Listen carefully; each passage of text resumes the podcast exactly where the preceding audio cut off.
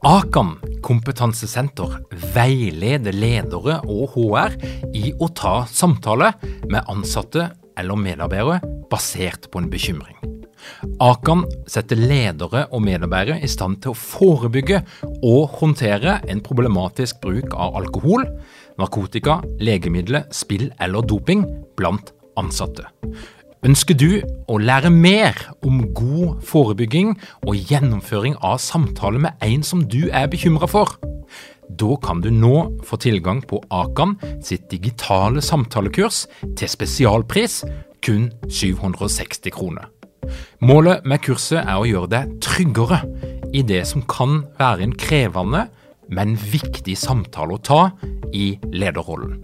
Du får tilgang til kurset med å gå til samtalekurs.no, samtalekurs.no, og bruke kampanjekoden LEDERPODDEN. Tilbudet gjelder ut april.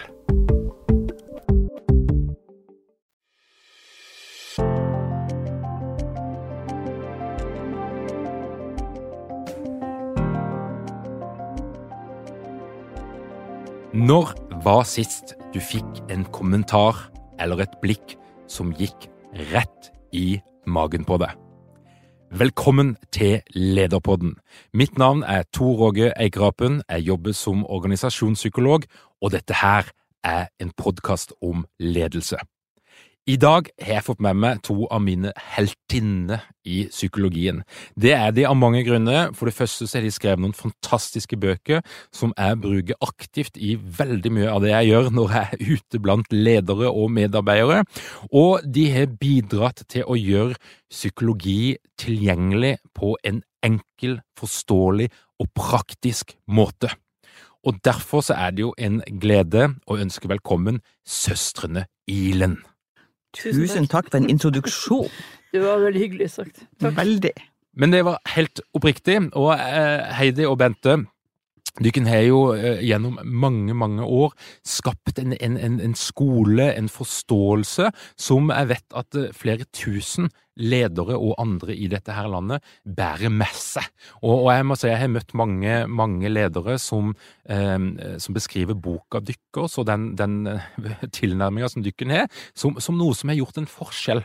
Noe som har gjort at de har fått en innsikt, fått en forståelse som de tidligere ikke hadde.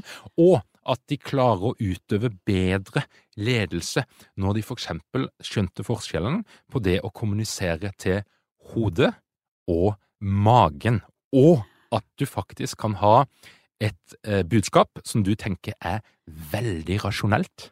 For eksempel når et sykehus skal spare penger, og så sender de et, et, en artikkel ut på sitt intranett, og der det stender at kjære medarbeidere, nå har vi funnet en perfekt måte der dere kan være med og bidra på dugnaden for at vi skal spare penger.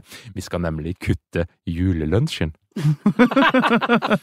og så forventer de altså at de skal få en rasjonell mottagelse, og så blir de superoverraska idet folk reagerer særdeles emosjonelt. Kan du ikke forklare litt? Grann? Henne, henne, henne kommer, kommer, dette herifra? Altså hode og, og mage. Kan, kan, du ikke gi en liten introduksjon? Hva er det du kan ønske å fortelle for noe?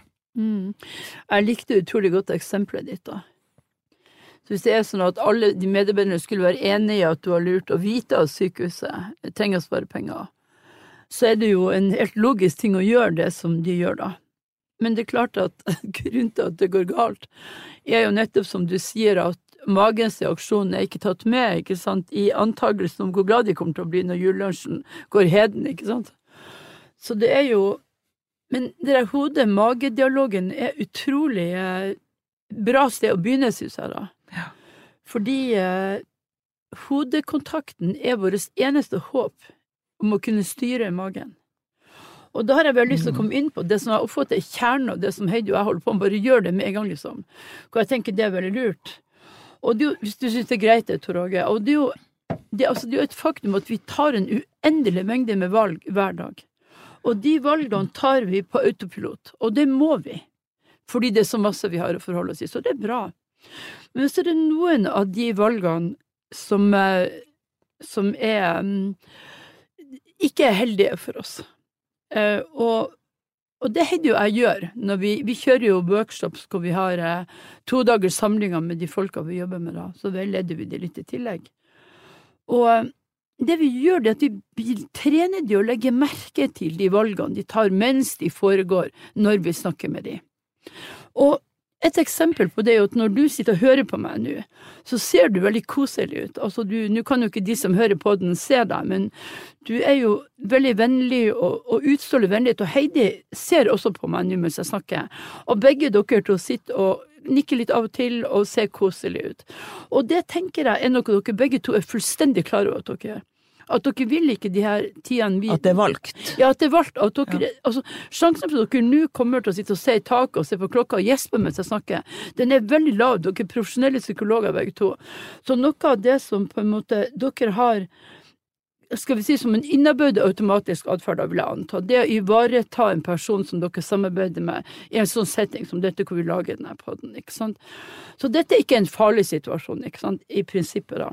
For nå er det samsvar mellom det dere gjør, og det dere har lyst til å gjøre. Men altså magen og hodet, ikke sant. Og hodet er enig, og magen er enig. Dere gjør en god jobb. La oss, hvis dere forestiller dere da at dere, at dere da får en tilbakemelding som er så inn i granskauen urettferdig, at det er ikke til å leve med, hvor dere føler dere ikke er sett i det hele tatt. Hvor lett er det da å gjøre det samme hvis det blir, dette blir sagt av et menneske som dere virkelig setter pris på? Det er forferdelig vanskelig. Og da vet hodet at hvis du reagerer defensivt på denne kritikken, så kommer mengden av kritikk fra denne personen til å synke. Det er en katastrofe hvis du gjør det. Han slutter ikke å tenke det han tenker, selv om du blir sur. Men hvor lett er det nå, ikke sant, for hodet å få lov å bestemme over magen? Det er forferdelig vanskelig. Og disse responsene, som da ikke er verbale og lynraske, og dette er det vi gjør når vi jobber med gruppene, at vi trener, vi driller de i å reagere på en måte som er i overensstemmelse med det du syns er i orden. Og som de gjerne også kan komme til å si at de har lyst til å trene på. Ikke sant? Ja. Altså, de, de kommer jo til å si at jeg trenger å trene meg på å bli flinkere til å håndtere negativ informasjon, altså kritikk for eksempel. Eh, og da må de kunne gjøre det som, som eh, du, Bente, snakker om. ikke sant? Da må du kunne gjøre det behagelig nok for den andre personen å gi kritikken. Eh, men det er klart at, én ting er jo hva du kommer på en samling og, og gjerne vil trene på, men når du kommer opp i situasjonen, og det gjør de på samlinga, og da reagerer defensivt, så gjør de det motsatte av det de har sagt at de vil trene på. Og dermed så, og det er klart at da vil vi komme til å si at oh, nå må du stoppe, nå må du ta stilling, liksom. Hva, ville du ha denne kritikken, ønsker du å trene på det, eller altså, hvis de da sier nei, men jeg, jeg har droppa det prosjektet, jeg, har lyst til å trene på det likevel, ok, flott, da er det greit, da er det fortsatt samsvar mellom det du sier du vil, og det du faktisk gjør. Ja. Men hvis de sier at ja, men det vil jeg trene på, så ja, men da må du reagere på en litt annen måte. Ja. Så det er ikke moralske i forhold til at du skal opprettholde din bestilling fra i går, liksom. Det er jo, og det, denne fleksibiliteten tenker jeg jo, den, den må være der for at ikke dette her skal bli en veldig ubehagelig Ja. seanse. Det er, Men- ja, det er godt sagt. Men, Det er men, godt sagt. men og der er jo liksom, altså det finnes jo folk som blir sendt på workshops og diverse eh, lederutvikling som, som opplever det som noe tvangsmessig og kanskje jo litt traumatisk, fordi at Ja, ja, ja. Eh, de blir tvungen til å gå utover de grensene som de måtte ha, og som de kanskje ikke visste at de hadde heller. Nettopp. Men kan jeg komme med en kommentar til dere? For det med ubehaget tror jeg er veldig viktig også. Ja. Og, og det som jeg har lyst til å si at akkurat, altså Når du sier at da blir det ekkelt, ikke sant? For det er klart det verste spørsmålet du kan få i denne settingen, tenker jeg da, Heidi, når du går inn og korrigerer det, sånn som du akkurat sa da, Mm. Ja. at vil du høre hva han tenker? Ikke sant? Og svaret på det er jo eh, ja, liksom. Jeg tror det. Det var for det jeg sa for to timer siden. Ikke sant? ikke sant?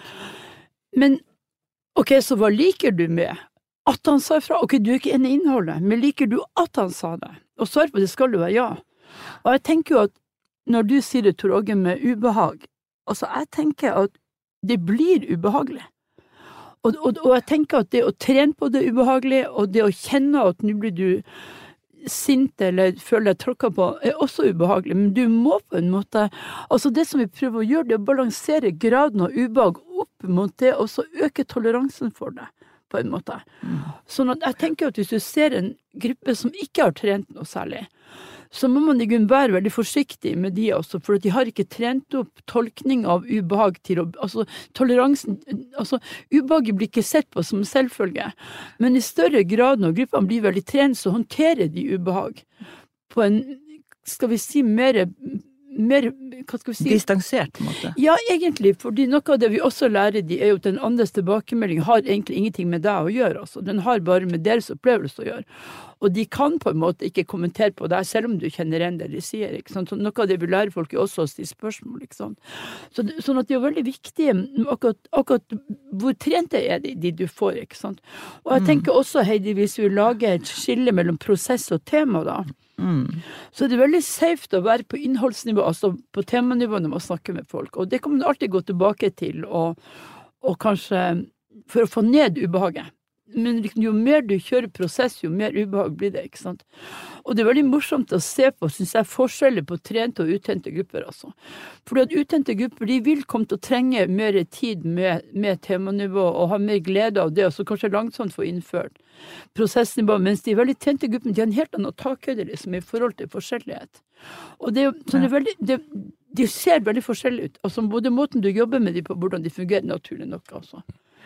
Men det er jo noe av det som skaper en bredden, og, og man må ha veldig respekt for det at folk ikke orker, altså at de, at de syns ubehaget blir for mye, altså. Og, og, og jeg tenkte på én til, hvis jeg kan si det. Og det er jo det at siden det vi bruker å si som er veldig vanskelig, det er at fenomenet er utenkelig løsrevet fra observatøren av det. Det bruker vi å si, og det er litt vanskelige ting å si det. Det betyr at um, det er din opplevelse som, eh, som styrer hva det er du ser, og ingen har en lik opplevelse. Det betyr at fenomenet i seg sjøl egentlig er uinteressant. Og Det er noe av det som Kant har vært inne på når han snakker om das Ding an sich und das Ding für mich. ikke sant? Så er det egentlig das Ding an sich, altså tingene i seg sjøl, er egentlig rimelig uinteressant siden vi alle opplever den forskjellig, hvis dere er med på det. Ja. Og det er klart, hvis du er veldig vant til å tenke det, og er flink til å tenke litt autopilot, så kan du komme deg spørringa ganske fort. Og så har vi i Norge et stort handikap, syns jeg, da. Og det er at spørsmål for oss ofte kommer istedenfor kritikk. Sånn at når du blir forbanna på noe, så kan du komme til å si 'hvorfor gjorde du det?' Ja, Og, og der, dermed så blir spørsmål livsfarlig, ikke sant. Og det må vi også gjøre folk bevisst på, da. og der er min reptilhjerne, det, det er jo med, med god grunn så stiller eh, kona mi meg av og til spørsmålet 'hvorfor'? Eh, og jeg kan bare fortelle at allerede på HV så er min reptilhjerne i gang med å bygge opp Forsvaret, og jeg kjenner på en aktivering der, og det skjer sånn uh, på millisekundet. Uh, eh, for det er det noe av det mest provoserende spørsmålet jeg vet om, for det, jeg vet ikke hvorfor. Jeg, jeg aner ikke hvorfor. Det ble bare sånn. Det var et instinkt som gjorde at, at jeg, jeg, jeg kom der, og jeg kan på ingen måte redegjøre for det. For så mye selvinnsikt har jeg ikke, men jeg kan bare konstatere at sånn blei det. Og der er det ikke noe på at eh, vi er glad i åpne spørsmål og skal helt kultivere det, men, men, men hvorfor-spørsmålet, det eh, strider egentlig mot altså det, det er ingen logikk, for det er ikke sånn mennesker fungerer. Vi, vi, vi, vi handler jo på instinkt, vi handler på vaner og på mønster. På autopilot. Ja, på autopilot. Ja, Det er utrolig godt kommentert, altså. Og da gjelder det jo ikke, ikke sant, Heidi, å ikke, ikke få folk i den posisjonen hvor, hvor de reagerer sånn som Tor Åge sier. Jeg reagerer også som han. Mm. Ikke sant? Og da er det noe med å, og kanskje klare å, å spørre sånn at folk ikke blir defensive. Og det går det også an å lære det å gjøre. Og prisen for å få lov å spørre, den er ganske høy. For det betyr at du må vite Du sa at 'jeg vet ikke hvorfor', sa du. Um, men du må faktisk vite hvorfor du spør. Så vi bruker å si eh, 'tell a story to get a story'.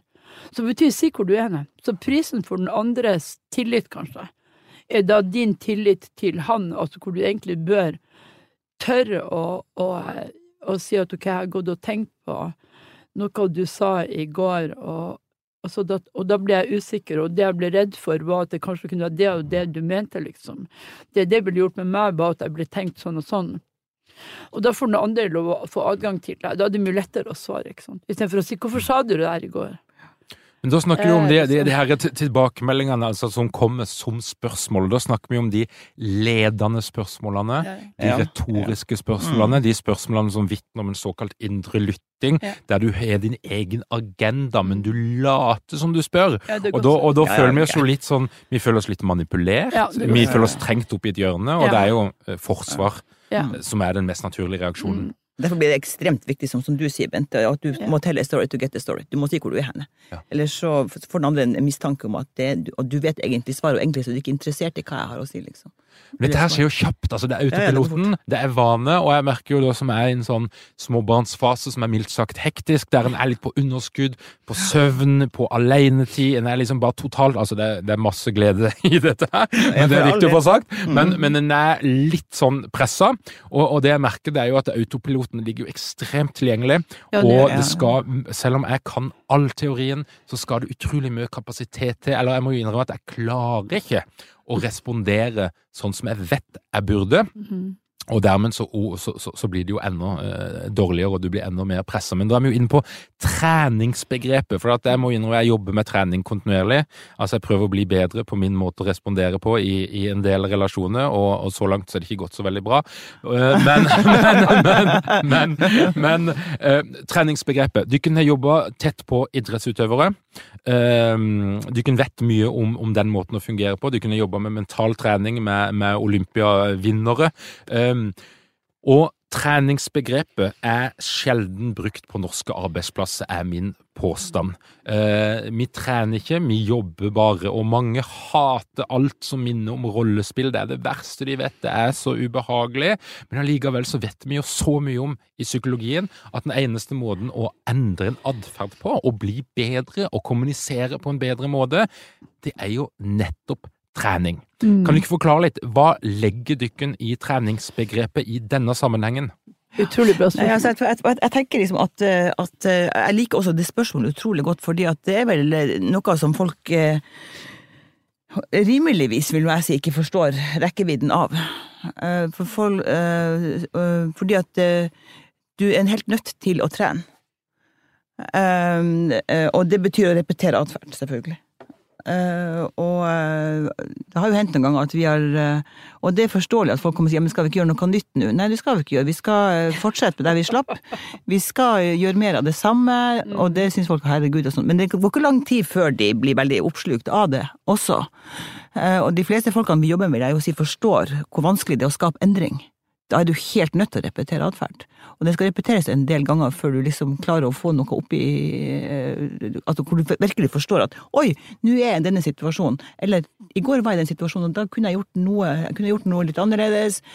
Det er at du måtte begynne å tenke litt på kanskje disse her størrelsene som vi opererer med, eller verktøyene vi opererer med. Da. Eh, og, og, men, men jeg oppfatter jo at eh, Så, altså, jeg har en liksom forståelse egentlig for at det her er vanskelig. Altså, at, det er, Mm. at det kan være kjedelig, eller at folk kan tenke at å herregud, liksom, skal vi nå holde på med det.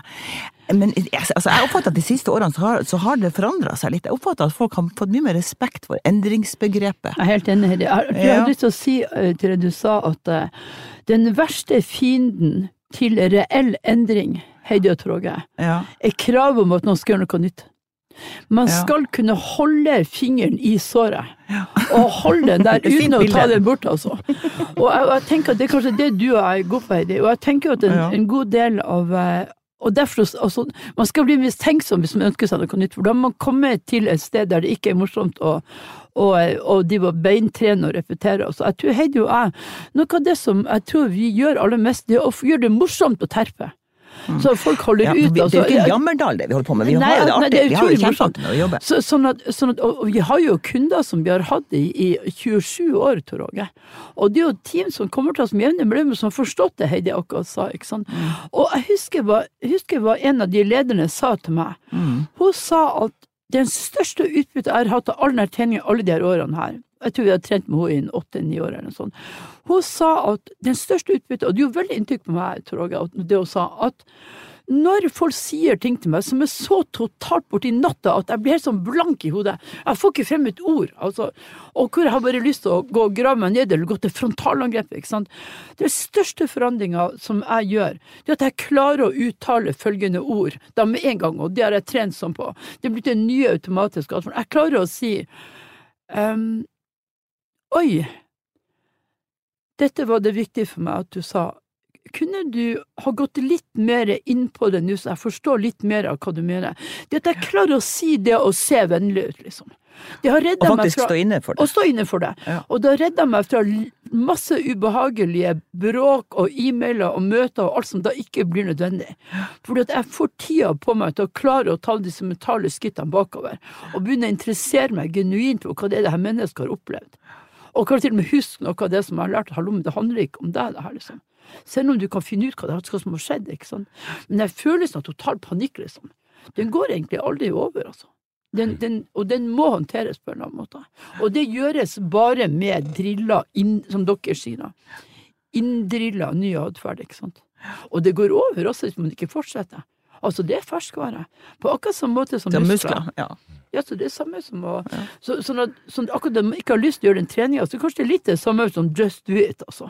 Mm. I forhold til Nike, det fine slagordet de lager. Men hva er det du kan gjøre for noe da, når du er på de her samlingene? Kan du ikke beskrive litt sånn konkret hva er det du kan, hva er det du kan holde på med? Hva er de ulike stegene i denne treninga?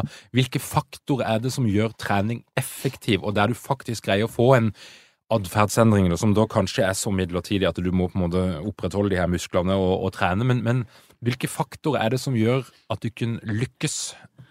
Ja, Kan altså, ikke jeg spille en ball til deg, Heidi? jo. Heidi og jeg er ekstremt ulike. Um, og jeg oppfatter at vi har helt forskjellige ferdigheter. Og jeg tror at en veldig sånn nøkkel til det er det at vi har um, utvikla en måte å bruke oss sjøl på som jeg tror skaper Altså, jeg vet jo ikke om det er riktig, det må jo folk si sjøl, men jeg tror det skaper en balanse mellom det å føle seg trygg og det å føle seg utfordra. Og hvor er ballen hen som du skulle spilt til meg? Ja, det kan du si. jeg lurte deg. Den var snedig. Takk skal du ha. Kanskje du har noen tanker om dette, Heidi? Ja. Ja, altså, jeg, altså, at, at, jeg tror du har helt rett i at vi, at vi, eh, at vi uh, bruker den forskjelligheten oss imellom veldig, på en veldig sånn eh, måte som får folk til å bli inspirert og forstå at forskjellighet er det du står overfor, egentlig, liksom, og, det, og vi må ikke bli likedan. Det er helt unødvendig, liksom. Uh, og, det, men altså, hvordan det er ikke uttrykk for at for Du stiller jo spørsmålet hva, er gangen i samlingene, altså hva er det vi er opptatt av, hva er det vi prøver å få til. Og jeg tror det første vi gjør er å Um, og uh, vi, vi, appellerer til folk sin, sin, sin intellektuelle, først og fremst, ikke emosjonelle, men intellektuelle forståelse av verktøyene, altså logikken i rammene som vi jobber inne i. Eh, Som, vi- har henta mye fra systemisk tenkning, fra sosial læringsteori, fra gjelder kognitiv psykologi, selvfølgelig. Mm. og og vi må, vi må få folk til å forstå logikken i det. Kan jeg komme med en kommentar? Absolutt. Jeg er veldig spent på hva en kommentar er. Ja, ja. Ja, det kan du si også. Ja. Um, Men jeg vil gjerne høre din kommentar. nei, det jeg tenkte på var at eh, sånn til, når du snakker om at vi må, vi må få de til å intellektuelt på en måte akseptere visse rammer, liksom. Mm, Logikken, på en måte. Ja, altså, og det mener jeg er veldig viktig det du sier der. Så tenker jo jeg at eh, ikke sant, at vanligvis så er en dialog holdt på plass av moralske normer. Det finnes ting du sier og ting du ikke sier. Og du må være litt oppmerksom på musikalitet handler om at du ikke krysser disse grensene. Ikke sant? Og det betyr at det er ting som må forbli utydelig. Og noe av det Heidi gjør, og vi trener jo også folk i å være tydelige hvis de, hvis de skulle ønske det. Ikke fordi at det er riktig å være tydelig hele tida, det er det ikke, men fordi at du skal kunne det hvis du har lyst. Ikke sant? Og det finnes folk som ikke kan det. Fordi de, får, de vet ikke helt hva som foregår, som du sa i sted også, Tor Åge. Og da tenker jeg at hvis en, en dialog vanligvis holder på plass av moralnormer, så må den fortsatt holdes på plass hvis du skal ha plass innenfor den ramma. Så hvis du ikke skal bruke moralrammene, så må du bruke et annet rammeverk. For å holde det hele trygt og forutsigbart. Og det er det jeg føler at du akkurat har beskrevet, Terje. Ja. Sånn at når de får intellektuelle rammer hvor vi gjør klart hva vi kommer til å gjøre, og hva som er reglene for denne treninga, så skaper det en trygghet som gir mulighet for å si ting du ellers ikke ville fått lov å si eller tort å si. Og at det balanseres da på en sånn måte at folk kan leve med det. Mm. Og det tror jeg er forferdelig viktig i forhold til den jobbinga vi gjør. For uten det rammeverket som du beskrev nå, Mm. så, så Og det er jo det som blir innarbeida hos folk etter hvert. Fordi for, folk skjønner veldig godt logikken i det vi holder på med. Det, det henger veldig på greip, og det er veldig konsistent. Og det er noe av det som jeg syns er fantastisk, også sjøl med å kunne jobbe med dette her. Altså, det er ikke fragmentarisk, det er veldig Jeg oppfatter det som veldig troverdig, på en måte. Altså, jeg står helt inne for det. Jeg lever jo det, det jeg jobber med sjøl.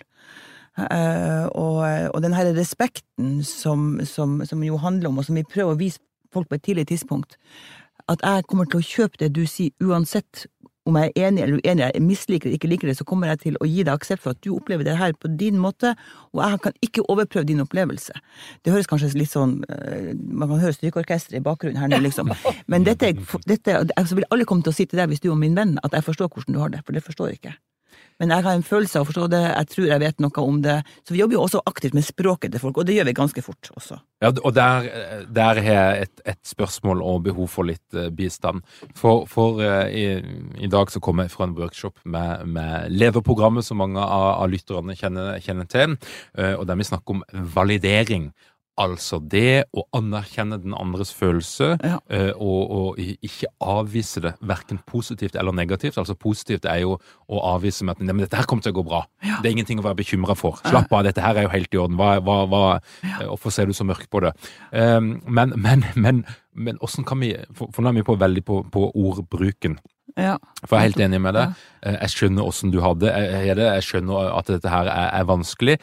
Eh, på den ene sida, det er jo en intensjon der om aksept om å møte den andre, men samtidig er du helt rett at hver opplevelse er jo unik. Det er min personlige opplevelse, og den vet du ingenting om.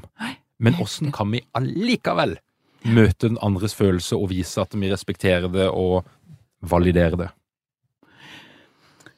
Altså, et, et, et, vi, har, jo en slags sånn teknikk på det, vil jeg si, altså, fordi at eh, Og jeg har jo sett deg, Bent, eh, for jeg syns du er særlig god på det, egentlig. Det er jo hvis folk kommer dit og ikke har lyst til å være der, for. Det er jo en følelse at hva har jeg å gjøre her, liksom? Altså, jeg har ikke lyst til å sitte her, jeg har masse ting å gjøre på jobben som er kjempemye viktigere enn å sitte her og glane i to dager med to psykologer, ikke sant?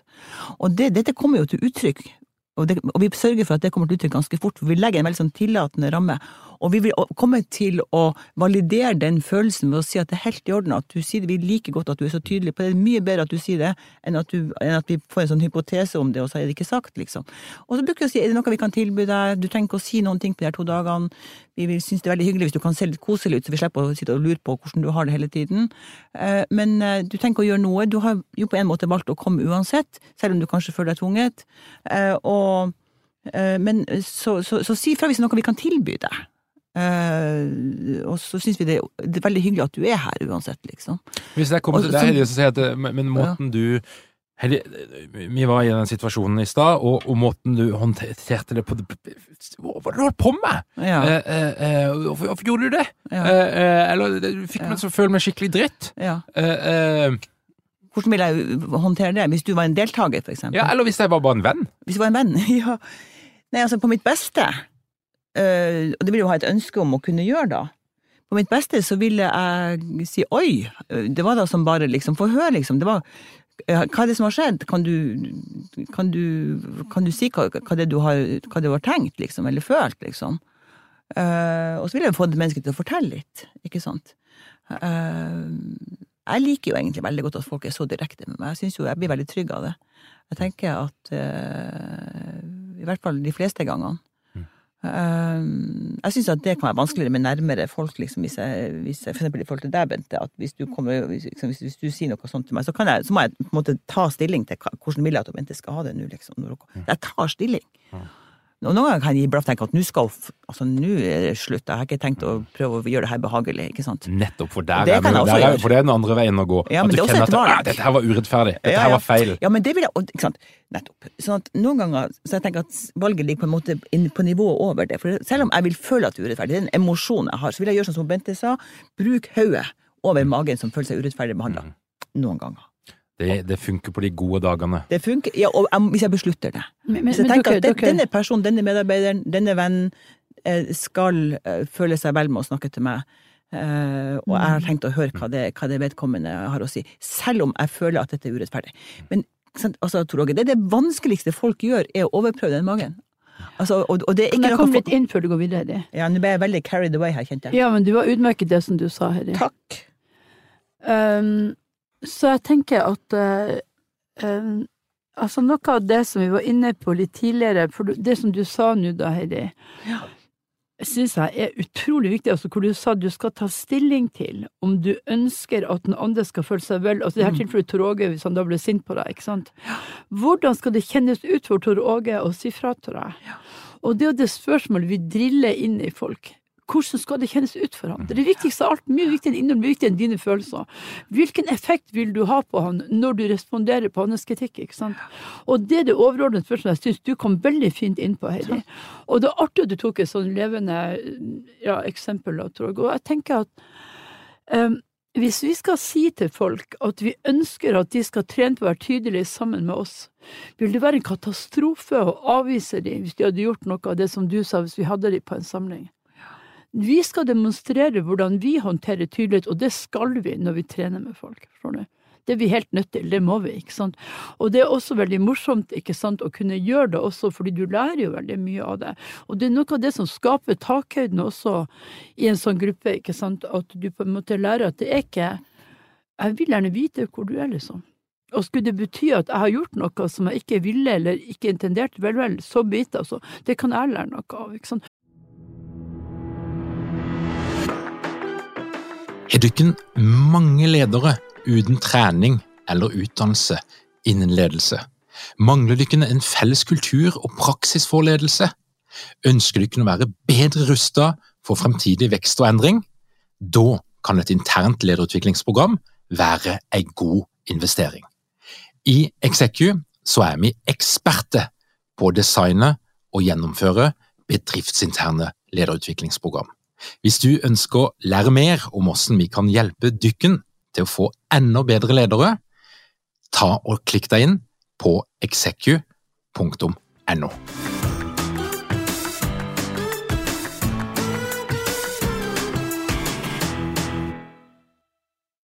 Og det å, å kunne walk the talk, altså hvis jeg hadde hørt en psykolog si at, at han eller hun eh, gjerne ville trene meg i tydelighet, og så sa jeg noe sånn som det du sa i sted, og så skulle de komme til å bli martyrisk eller begynne å fryse meg ut, eller snubbe meg, jeg ville ikke ha stolt på dem i det hele tatt. Nei, for du må walk the talk. Altså, og hvis du tar, tar, tar, tar ditt spørsmål som du starta denne, denne sesjonen med, som handler om denne, dette sykehuset som går ut og sier eh, nå skal dere høre, vi må ha sparekniven, og deres hypotese er jo at folk er med på den tanken, ikke sant, så de vil komme til å synes at det er helt greit å gi avkall på julebordet. Mm. Eh, Da, da, hvis de reagerer negativt på den negative reaksjonen de faktisk får, så vil det komme til å senke takhøyden for å si fra, selvfølgelig. Eh, fordi at folk sitter der med sine mager, og kanskje har de gleda seg til julebordet og kjøpt nye sko og sånn her. Ikke sant? Så, sånn at det er Og og dette, dette har du Du vet jo ikke. Du har ikke oversikten over det, ikke sant. Og folk de tar jo ikke stilling. De sier ikke De tenker jo ikke nødvendigvis Oi, nå skal jeg gjøre det lett for denne ledelsen å gi denne meldinga, liksom. Nå skal jeg ta ansvaret for å øke takhøyden for dem, så de kan snakke tydelig til meg. Den stillingen tar ikke folk. De gjør ikke det. De reagerer med magen sin, med følelsene sine.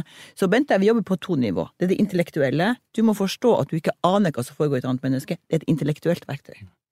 Emosjonelt har du ingen tro på det. Emosjonelt forventer jeg at du ser meg. Jeg forventer at du forstår hvor jeg er. Jeg forventer at du skjønner hvor sliten jeg er nå. Og det er følelsene. Det må også være med her. Så vi må ta med begge deler. Og vi gjør veldig oppmerksom på at dette er et intellektuelt verktøy. Det er et verktøy. Det er ikke Du kommer ikke til å være enig i at det her er greit, liksom, for det er det ikke. Magen din hyler om dette er dødsurettferdig, dette er grusomt. Jeg føler meg ikke sett eller forstått av deg. Dette her er gull. Eh, Noen ledere som jeg, jobber med, de eh, de har gjort seg opp en mening om hvem de er. De har kanskje tatt til meg en personlighetstest, og de har klassifisert seg selv som at eh, mine medarbeidere, de vet jo at jeg er så dårlig til å lytte. De vet jo at jeg ikke er en spesielt anerkjent Altså. De har jo en antakelse om at du teoretisk sett kan få informasjon om en annen person, og så kan du ut ifra det justere din magereaksjon. Eh, og, og hvis det er noe som ledere bommer på, og det er jo litt sånn, eh, I denne podkasten så er jeg litt mørk. altså Jeg ser litt sånn, jeg, jeg trekker fram de verste eksemplene, for det er de jeg husker best. Og sånn er det bare. Og det er massevis av folk der ute som er flinke, og som jeg jobber med, bare sånn at det er sagt. Men, men, men det er mest interessant med de som, som kanskje ikke lykkes. Og det, den bommerten som mange gjør, spesielt i forbindelse med endring, som jo mange kjenner på akkurat nå, det er at de gang på gang undervurderer følelsene. De undervurderer Ja, magen Ja, ja. hos de som mottar et eller annet budskap, eh, og, og de tar ikke høyde for at her er det følelse, og folk har ulike størrelser på, på, på magen sin. Og så er det jo eh, en annen ting, det er at som leder så sitter du med en større opplevelse av kontroll på det som skjer.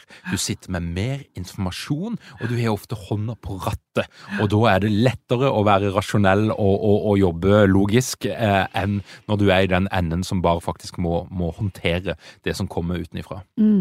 Og tenker du ikke noe om altså, endringsprosesset? Nå er vi midt i det. Korona, effektivisering. Eh, tidligere har vi hatt eh, kommunesammenslåinger. Eh, det er eh, et massivt press eh, på endringer som skal foregå, eh, og der det sitter folk på jobben og, og plutselig bare må forholde seg til det uten å ha noe særlig kontroll. Lite informasjon, og kanskje ledere som gang på gang eh, undervurderer det følelsesmessige aspektet og viser lite forståelse for at det faktisk er mulig å kjenne på en negativ reaksjon. Mm. Altså, jeg tenker jo, Det er et godt spørsmål, tror jeg. Jeg tenker toleranse for endring henger veldig nøye sammen med hvor fornøyd du er med hvordan du, altså hvor trygg du er. ikke sant? Jo tryggere du føler deg i de forskjellige måtene du fungerer på, jo bedre tåler du en forandring. Fordi forandring i seg sjøl er en avvisning. Det er uforutsigbart. ikke sant? Det er skremmende. Og uansett hva slags type forandring det er snakk om, ikke sant, og korona er jo helt spesielt i forhold til det, siden vi aldri har opplevd akkurat det før, eh, så vil jo dette her med å jeg tror det er forferdelig viktig at man klorer seg fast i det man mestrer og det man får til, og at man klarer på en måte å fokusere på det, så man har noe å møte alle disse nye kravene med. Jeg tror kanskje det er det viktigste, alt, måtte en samle seg rundt det man føler fungerer. Så jeg tenker jo når vi trener ledere i denne tida, liksom, på en måte få de til å legge merke til hva det er de har, sånn at de kan legge opp lista i forhold til hva de forventer av folk som kunne klare å forholde seg til en endring. Ja, og, jeg tenker jo også I tillegg til det du sier, så tenker jeg at det, det å, å ha kunnskap eller erfaring med å kunne håndtere prosessnivået nå er kanskje særlig viktig. Altså, hvis nå organisasjonen er blitt flink til å, å, å tenke at det spiller en rolle hva slags effekt jeg har på deg akkurat nå, eh, og kanskje, vant, og kanskje har noen verktøy etter hvert på at, ja, eh, at, eh, at du interesserer deg litt for folks sine opplevelser, for eksempel, som jo det vi prøver å lære folk å gjøre i organisasjoner. Så hvis de har god trening på prosessnivå, så vil det kunne, komme til kunne, kunne remediere mye av uforutsigbarheten, sånn som du sier, på temanivå, nemlig at endring er jo det vi holder på med hele tiden, egentlig. Ikke sant, og det har vi erfaring med. Ja, ja. Jeg tenker som Tor sier, at, at hvis du er en sånn leder som på en måte kanskje ikke helt får tak i at folk sin mage er veldig forskjellig fra huet deres, Mm.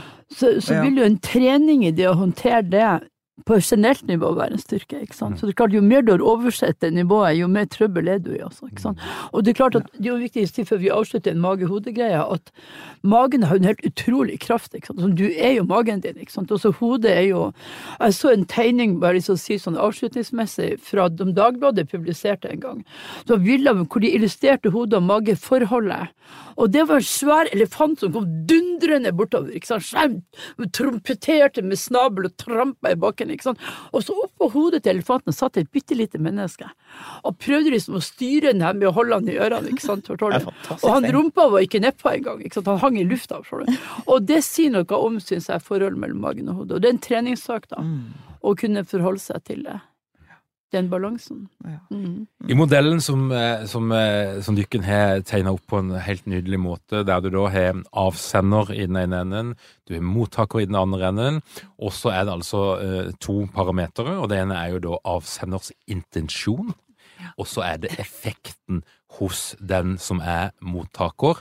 Og, og det som er læresetninga der, det er jo nettopp dette her at det er ikke et én-til-én-forhold mellom din intensjon og den effekten du Nei. skaper hos andre. Med andre ord, du kan ha en god intensjon, du vil godt, du vil noe bra, enten for den personen det gjelder, eller for organisasjonen, men allikevel så kan du bli tolka på en annen måte, og du kan bli tolka negativt. Og det er jo selvfølgelig de her to kanalene, det rasjonelle, den rasjonelle kanalen, der vi snakker med hodet, fakta, og så ligger det alltid noen følelse. Ja. Blir jeg respektert? Blir jeg anerkjent? Det det, driter du egentlig i, i hvem jeg er. Og eh, er en sånn påstand som jeg liksom knabba litt ifra dere som å tenke på, det er jo dette at du vil bli misforstått.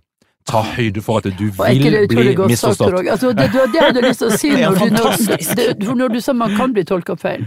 Så vil jeg si at det siste du sa er helt presist. Altså, du blir tolka, du ikke bare kan bli det, du blir det. Så nå kan, noe av jeg for- altså, noe av det som er det aller sykeste ved meg når jeg hører folk snakke, det er når de sier om du misforstår meg. Da tenker jeg inni meg ja, ikke sant altså. Og, og hvem sitt ansvar er det, liksom? Så det burde ikke overraske deg et sekund at de misforstår deg. ikke sant? Det er din jobb å sørge for at du blir tolka korrekt. ikke sant? Og der har jo vi et problem, der Heidi og jeg har diskutert mye med gruppene våre, med språket vårt. Og språket er innsausa med det vi kaller den ubetingede kjærligheten. Altså invasjoner. Masse. Hvor invasjoner, ikke sant, hvordan, at, og du vet hvordan vi har det nå, ikke sant, eller det som vi mener om ting, ikke sant. Kommer du på sånne typiske ord? her? Ja, for- ant antagelser du ikke snakker om? Altså antagelse om at den andre Ja, skal det- skjønne ja, altså, du, du har sikkert sett mange ganger Ja, du har sikkert sett mange ganger når, når, når en eller annen profilert person i media får en kritikk, for eksempel, så sier han men altså, jeg kjenner ikke meg igjen i denne kritikken. Nei, men det skal du da ikke gjøre, for det kommer da ikke fra deg heller, liksom. Så det er ingen grunn til å kjenne seg igjen i en kritikk. Eller, eller hva er det folk sier for noe? Um, sånn som du sier, altså uh, Når de ja, altså, folk har en, en Nå har jeg altså glemt hva folk sier, men det- vi har en hel sånn rekke eksempler Vi lager en liste over det den siste boka, Ja. så en liste over ting folk sier som er helt hårreisende. Og det er forståelig, for folk ønsker seg jo, som du sier, Bente, de ønsker seg ubetinget kjærlighet. De vil at de blir forstått uten at de på noen måte skal være tydelige på hvor de er. Og, og, og, og tenker du at, at man tenker jo innerst inne, tror jeg gjør iallfall det, at hvis et menneske er eh, intelligent nok, eh, klok nok, grundig nok, glad nok i meg, så ser de meg. De kommer til å vite hva jeg tenker. Og jeg merker jo noe av dialogen med deg, Heidi. Hun gjør jo ting av og til som jeg blir helt sjokkert over. Hvordan kan du finne på å si dette mens han hører på? liksom? Du vet jo, ikke sant, at hvor den tredje personen til stede som Hvor Heidi burde vite at her må hun ikke si, ikke sant? Og, og, og det er klart at når sånne ting skjer, hvordan tolker man det, da? Når folk man, som burde vite bedre, ikke sant. Og dermed så begynner man å tillegge folk negative intensjoner, ikke sant. Altså, hun er ute etter meg, ikke sant. Hvorfor gjør hun Det dette? sånn når kona di spør hvorfor, og du sier det. Ja, ja, så jeg tror jo da at noe av det viktigste jeg har lært i forhold til deg, da, som jeg syns holder veldig hardt her en del ganger, Mm. det er å, å tenke at hun vil meg ikke imot. Det her er tilfeldig for og det er også det samme som du kom inn på i sted. Jeg kan ikke vite hva det er slags motivasjon hun har. Og det kan få meg til å interessere meg for hvorfor hun sier det hun sier. Mm. Det alene, burde jeg si også. Og det krever en sjøldisiplin som helt vanvittig. Det du er flink gjøre til det, syns jeg. Ja, det er hyggelig at du sier det. Mm. Så, så jeg tenker jo at, at eh, det er for, Og det er forferdelig vanskelig. Altså. Det er forferdelig vanskelig å klare. Det- Den er u- de- Denne kritikken, folk sier, denne kritikken er uberettiget, sier de. Den er uberettiget. Nei, den er ikke det. Den er berettiget for den personen som sier det. Den føles. Der har du forskjellen på intellekt og, og, og følelse igjen. Den føles uberettiget, men den er ikke uberettiget For den andre. for den andre. Konflikter er jo en del av, av, eh, den, av det som skjer på en arbeidsplass. Ja. Eh, Helt naturlig. De destruktive og de mer konstruktive konfliktene. Så vi må ha uenighet skal vi komme oss videre. Så jeg syns det er viktig å dyrke det, den sida det òg. Men når jeg jobber med konflikter, så ser jeg jo, prøver jeg å grave fram kimen til det. Altså hvor kommer dette her ifra? Og så har jeg gått i, i lære hos en kar som heter Ståle Einarsson, som du kan, eh, kanskje vet hvem er. Professor ved Universitetet i Bergen, som har etablert noe som heter faktaundersøkelse. Som altså er en, en litt psykologisk og litt juridisk måte å angripe en konflikt på. Så der, der en er veldig opptatt av arbeidsmiljøloven, og det er en strukturert og formell måte å gjøre det på som, som ikke har så mye til felles med den mer tradisjonelle psykologiske tilnærminga. Men det som en oppdager, det er jo at eh, det som ofte skjer i konflikter, det er jo at folk låser seg på sin antagelse om den andres intensjon. Og eh, det de låser seg på, er jo at du er ute etter å ta meg. Du vil Ja. meg vondt, og det har jeg bestemt meg for. Ja. Og i det øyeblikket jeg har bestemt meg for det, Ja. så vil all min fortolkning, uansett hva du gjør, hvis du kommer med rose og konfekt til meg, så tror jeg jo altså at de her rosene er infisert med antrax, og det er rottegift i konfekten. For Fordi at du kan gjøre hva du vil. Eh, Du kan smile, og du kan se vennlig ut, og whatever, men jeg har bestemt meg, og da er mine filtre at du vil meg, meg vondt. Ja. Og, og det er jo nettopp den her det jeg mente. eh, mangelen hos mottaker Ja. i altså En ting er avsender, eh, men mottaker har jo òg et valg med tanke på åssen vil jeg fortolke det. Det er Eh, så utrolig viktig, altså. Og det som du sa i stad, altså, du kan faktisk tenke at det kan ligge en eller annen god intensjon, eller eventuelt du kan være nysgjerrig på hva er intensjonen. Du Ja. kan spørre, du kan være kritisk til dine egne fortolkninger og egne antakelser. Det syns jeg er utrolig godt sagt. Og, og det tenker jo jeg er noe av det vi trener folk aller mest på. Så når de sier at 'hvordan kan jeg vite at han ikke lyver', det kan du ikke vite. Så du er nødt til å bestemme deg for om du vil ha tillit til det han sier eller ikke. Og det er en beslutning du gjør helt alene. Og da tar du en råsjanse fordi du Og det er en teoretisk størrelse. det er en teoretisk størrelse, og du kan ta feil, forstår du. Men det vi vet, da, det er at det er mye sunnere for deg å trene på å ha tillit til det folk sier, Eh, og så heller gå på trynet og se ut som en idiot, enn å hele tiden kjøre det du sa i sted, Tor at du hele tiden er mistenksom. Det har en skyhøy pris, altså både for helsa di og for dialogen din med de andre. Så der skal du bestemme deg for, og så må du heller leve med at du da viser deg å være for godtroende noen ganger, og det er veldig lurt å gjøre det. Og ikke, og ikke bare det, men også det at du viser den tilliten. Det vet vi faktisk også øker sjansen for at folk er oppriktige mot deg, fordi de forstår at de får tillit. Og til og med det kan få de til å ta sjansen på å bli tydelige, du. Og være, og være oppriktige. Sånn at det er egentlig Men du, du, du tar den beslutningen alene, og den er farlig, men det andre er farligere, tenker jeg. Det er veldig godt sagt, faktisk. Ja, takk. Ståle Einarsson, han, eh, han, eh, av og til så møter jeg på han litt her og der, og så har han lagt merke til at jeg har en sånn foredrag som heter Du vil bli misforstått. Eh, og, og han er uenig. Han mener at i eh, iallfall når han jobber med faktaundersøkelser og konflikter, så Ja. mener han at der er det ingenting som heter misforståelse. Eh, at det er den handlinga og den atferden du objektivt sett har hatt, som betyr noe. Ja. Eh, og de subjektive opplevelsene de er interessante, men du skal prøve å finne ut hva er det gjennomsnittsmennesket hadde tenkt eller fortolka ut ifra en gitt handling. Det er jo litt sånn rettssystemet fungerer òg. Vi prøver, handlinger kan fortolkes på ulikt vis, men vi finner, prøver å finne en sånn Når vi skal vurdere om en handling er rett eller gal, så må vi prøve å finne en sånn litt sånn objektiv, allmenn fortolkning av det. Ja. Som folk flest kan rimelig si seg enig i. Altså, jeg syns jo det her er en måte for å snike seg unna intensjon-effektskillet på, ikke sant? Men det det må være det. sånn. Ja, og, og jeg tenker i forhold til jussen må det være sånn. Vi kan ikke ta noen er beslutninger uten å ha noen. Mm. sånne regler, ikke sant. Og jeg tenker at jeg syns det er helt flott å gjøre det som han gjør, i forhold til hypotesedannelse. Flott, du kan lage deg antakelser. Når det gjelder individets opplevelse, så må du hele tida huske at det kan være riktig eller feil for det individet. Når du har begge de to tankene i huet samtidig, så er du bedre er du bedre bevæpna, holdt jeg på å si. Men aldri glemme at du egentlig ikke vet om dette også gjelder den du har foran deg. Selv om det gjelder det objektive, men i gåseøyne, kan gjelde et større snitt enn vi trodde. Men, men er det et overslag her? Er det mulig, altså La oss se på en arbeidsplass, da. Så har du en medarbeider som har en atferd som som er det, det er ikke helt bra. Eh, vedkommende har en måte å snakke på, en måte å være på, som får andre til å føle seg dårlig. Det er noen overtramp der som er litt Det er vanskelig å sette fingeren på, for det er verbalt, det handler om kroppsspråk, det handler Du kan ikke helt liksom finne fram lovboka eller fasiten og si at det var feil, men du har en følelse. Og veldig mange blir jo usikre i de situasjonene, spesielt ledere på når skal jeg sette ned grensa, når har jeg rett til å gå inn og korrigere? For dette her er, er problematisk. Eh, og da kommer vi igjen på at det liksom, ok, min subjektive opplevelse er at dette her er helt i orden. Din subjektive opplevelse er at dette her er helt forferdelig. Men som leder så må du jo gjøre en vurdering av rett og galt innafor eller utenfor, sånn som vi ønsker å ha det her. Men altså, det kan du også gjøre, det, det, det kan du også gjøre unnskyld. Det kan du også gjøre uten å overstyre den andres opplevelse av det. For du kan jo som leder bestemme deg for at effekten denne personen har, etter å ha undersøkt hver enkelt person, det kan du gjøre uten å ta det objektivt. Du kan spørre dem hvordan, hvordan trives du med han, og gi deg en skala fra null til ti, ikke sant, og si hvor du er hen, så får han fire niere, ikke sant. Ok, jeg orker ikke denne personen, flott, ikke sant, så kan du ta en beslutning som da er i tråd med den opplevelsen. Så jeg mener, det er en forskjell på å si at dette er objektivt sant for alle, som den ene ekstremen, og si at ingenting er sant for alle som helt lik som den andre ekstremen. Og så er det en setning som du snakker om nå, da bestemme seg for hvor man skal være henne. Jeg synes det er interessant fordi det pusher dette begrepet, ikke sant, dette her med intensjon og effektskille, men det er jo sant hele tida, ikke sant. Selv om du må finne en måte å håndtere det på, som jeg synes det du sier understreker veldig fint, da.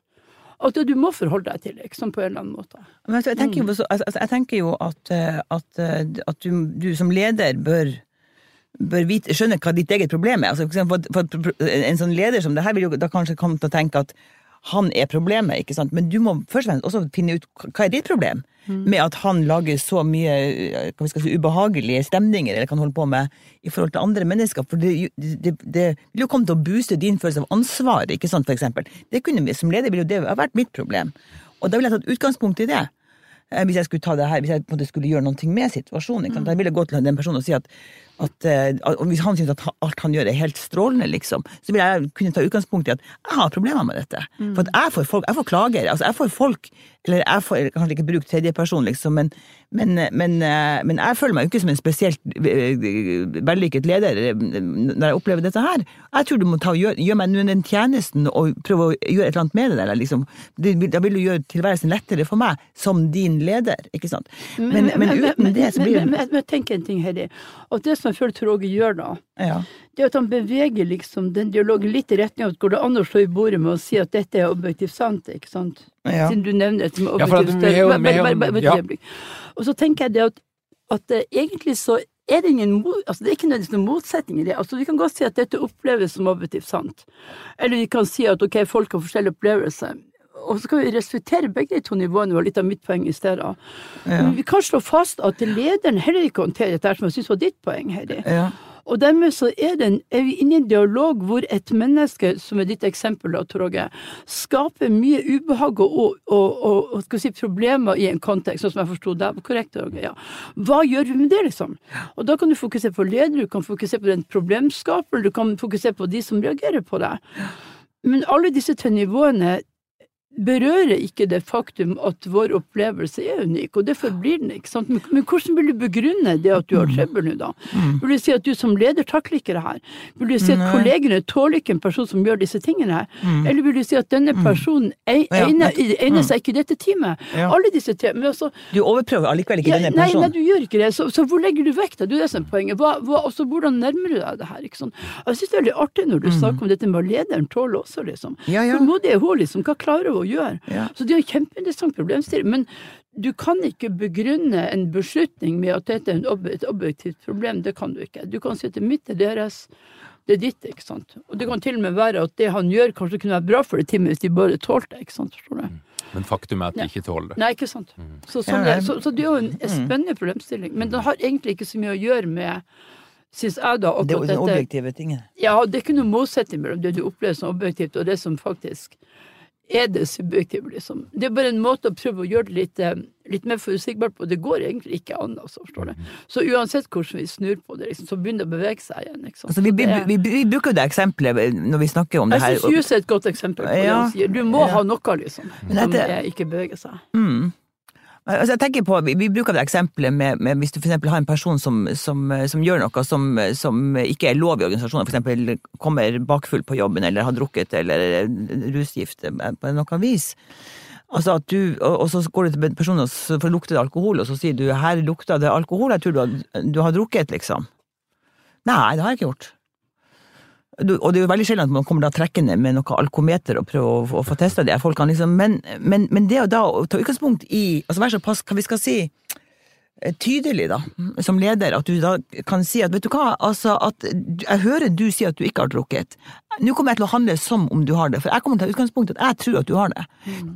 Da overprøver ikke jeg din sannhet, men da sier jeg at hva jeg kommer til å gjøre som en konsekvens av det som jeg tror jeg ser. Mm. Det er godt å høre du sier, for en kan jo tenke seg at det var noen som hadde forlest seg på Ilen og Ilen, som, ja. som da sier at ok, men hvis ja, din nett, opplevelse er at ja, du ikke drukker alkohol, så respekterer jeg det. Nettopp.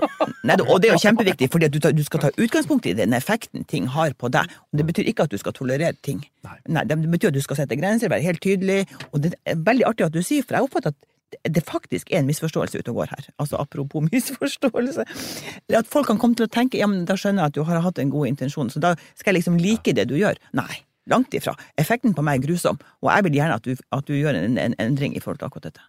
Selv, om- kan ikke jeg kommentere det også, Heidi? Jo, det tror jeg på. Fordi at min opplevelse er at eh, eh, Jeg syns det er veldig viktig det dere snakker om nå, da. Så det betyr Ja. at forståelsen for det andre legitimerer ikke avtalen. Det er det jeg hører dere si. Godt Korrekt. oppsummert. Ja. Ja. Men, eller og, Ja. En økt forståelse for den andres intensjoner, i motsetning til ens egne hårreisende hypoteser, er ofte bedre. Altså sånn at, at til og med når andre faktisk hadde ganske hårreisende tanker, så kan det å få vite hva de var for noe, faktisk ha en beroligende effekt også. Det er min erfaring. Men jeg er veldig enig i det når du, det som Torgeir sier, da, at det, det legitimerer ikke det. Nei, gjør det ikke. Men, men det gjør deg litt mildere stemt ofte. Ja, det gjør det. Eller opplever jeg iallfall. Mm. Mm. Heidi og Bente, eh, dere har holdt på å jobbe ute i felten i eh, over 30 år. Dere har vært i massevis av organisasjoner. Dere jobber med toppledere, idrettsutøvere, you name it. Eh, Hvis en tenker tilbake, da, hva er det viktigste som dykken har lært i denne perioden? Hvor er det dykken har flytta dykken mest? Og jeg har lyst til å svare. Ja, kjør på. Um, det jeg har lært aller mest av, og, og som jeg tror jeg har fått veldig mye mer eh, av, det er en slags ydmykhet for at folk syns at det er ufattelig nifst å gi en kritikk. Og blir veldig blir, um, Det å sette en grense, for eksempel, som vi akkurat har snakka om, er utrolig nifst, og folk gjør ikke det hvis de kan unngå det. Det jeg tror jeg er en av de absolutt viktigste tingene jeg har lært. Jeg er helt enig i det. Heidi. Det neste spørsmålet det er ledere som da hører på denne podkasten, og som ønsker å bli litt bedre på sin kommunikasjon, som ønsker å håndtere relasjonene på jobben litt bedre, spesielt når det begynner å brenne og bli litt eh, vanskelig. Eh, har du ikke et par-tre enkle, konkrete tips til henne de bør begynne? Komplementært til det Heidi sa nå, at det vanskeligste i verden er å gi kritikk. Gjør det behagelig for folk å si fra. Altså vær en person som er i stand til å ta imot feedback. Mm. Og særlig negativ feedback. Oppmuntre det.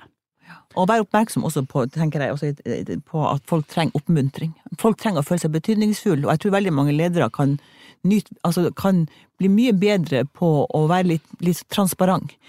Litt eh, bjuda på litt om de, hva de trenger for å føle seg som en god leder. Det tror Kan jeg jeg komme til, Fordi at det gir et nydelig metasignal om at det spiller en rolle for meg hva du tenker om meg. Kan jeg komme med et artig eksempel på det siste? Absolutt. Jeg snakka med en fastlege i forhold til akkurat det dere to snakker om nå. Og så sa hun jeg er så sliten, jeg har 20 pasienter på stolen hver dag, jeg er så sliten, jeg er så sliten. Jeg syns ikke de er glad nok for det jeg har å gi, jeg syns ikke, jeg synes ikke det spiller noen rolle hva jeg gjør, de tar alt jeg gjør som en selvfølge, sa hun. Så sa jeg, har du sagt det til dem noen gang? Har du sagt hvor viktig det er at du får tilbakemelding, så blir det helt himmelfallen. Det kan ikke jeg gjøre, liksom. Kan ikke du prøve deg et par utvalgte tilfeller. Så plukka hun ut en fyr som ikke hadde smilt til henne på ti år, liksom. Og så sa hun det at det betyr mye for meg som lege at jeg kan få hjulpet deg. Er det noe du opplevde av de ti årene som har, som har fått deg til å synes at jeg kunne gjøre noe for deg? Og da smilte han for første gang på ti år.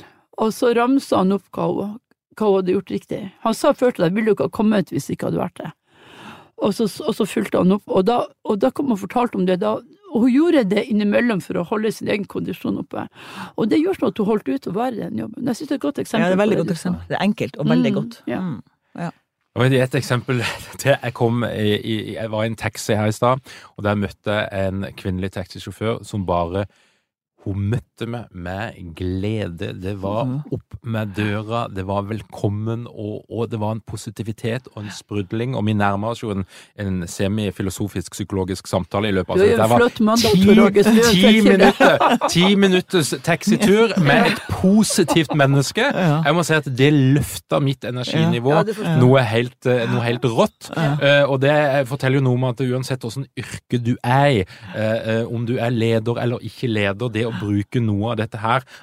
altså det å skape den kontakten, det å vise at du ser folk, det, det, det kan gi ganske utrolige utslag, både kortsiktig og langsiktig. Mm. Ja, det er, veldig, det er så det er enkelt, og det er så trivielt, og det er så herregud, og gjesp, altså. Men gud, hva viktig det er. Jeg synes et annet eksempel på det du sa nå, Torge, som er en strålende kommentar også, det er at vi har vært så heldige å få ganske mange servitører fra Sverige i løpet av de siste årene. Og når du, når du, har liksom norske Altså det finnes mange dyktige norske servitører, men svenskene har mye mer trening i å være dyktige på akkurat dette området, tror jeg. Og, og det at de møter liksom, de spør har dere et bord. Absolutt! Altså, De har en måte å være vennlig på som jeg syns er helt og som vi har mye å lære av, tenker jeg. Som akkurat det samme. En slags vennlig overstrømmenhet, liksom. Man føler seg velkommen. Ja. Mm. Hei, det er jo Bente en glede og en ære å ha dere på besøk her. Eh, vi kan holde på i noen timer til, så mm. se ikke bort ifra at jeg prøver å lure dere inn i studio eh, ved en senere anledning. Gjerne. Det har vært kjempe, veldig, veldig, veldig artig å snakke med deg også. Ja, veldig koselig. Tusen takk. Tusen takk for at dere kom til Lederpodden. Takk. Og til dere som hører på, Lederpodden kommer altså hver eneste fredag. Det er en podkast som akkurat nå er nummer én på iTunes liste over podkaster innenfor kategorien ledelse. Og hvis du ønsker at flere skal bli kjent med Lederpodden, så anbefaler jeg deg å gi oss en liten rating, en liten stjerne eller en liten tilbakemelding. Da er det altså flere som blir oppmerksom på denne podkasten. Hvis du ønsker å få informasjon om eh, livesendinger og andre ting som vi gjør, facebook.com slash lederpodden. Og så har jeg et lite hint til deg. Det er at om ikke så veldig lenge så lanserer vi Kommunikasjonsprogrammet, som altså er et digitalt utviklingsprogram for deg som ønsker å lære mer om kommunikative ferdigheter.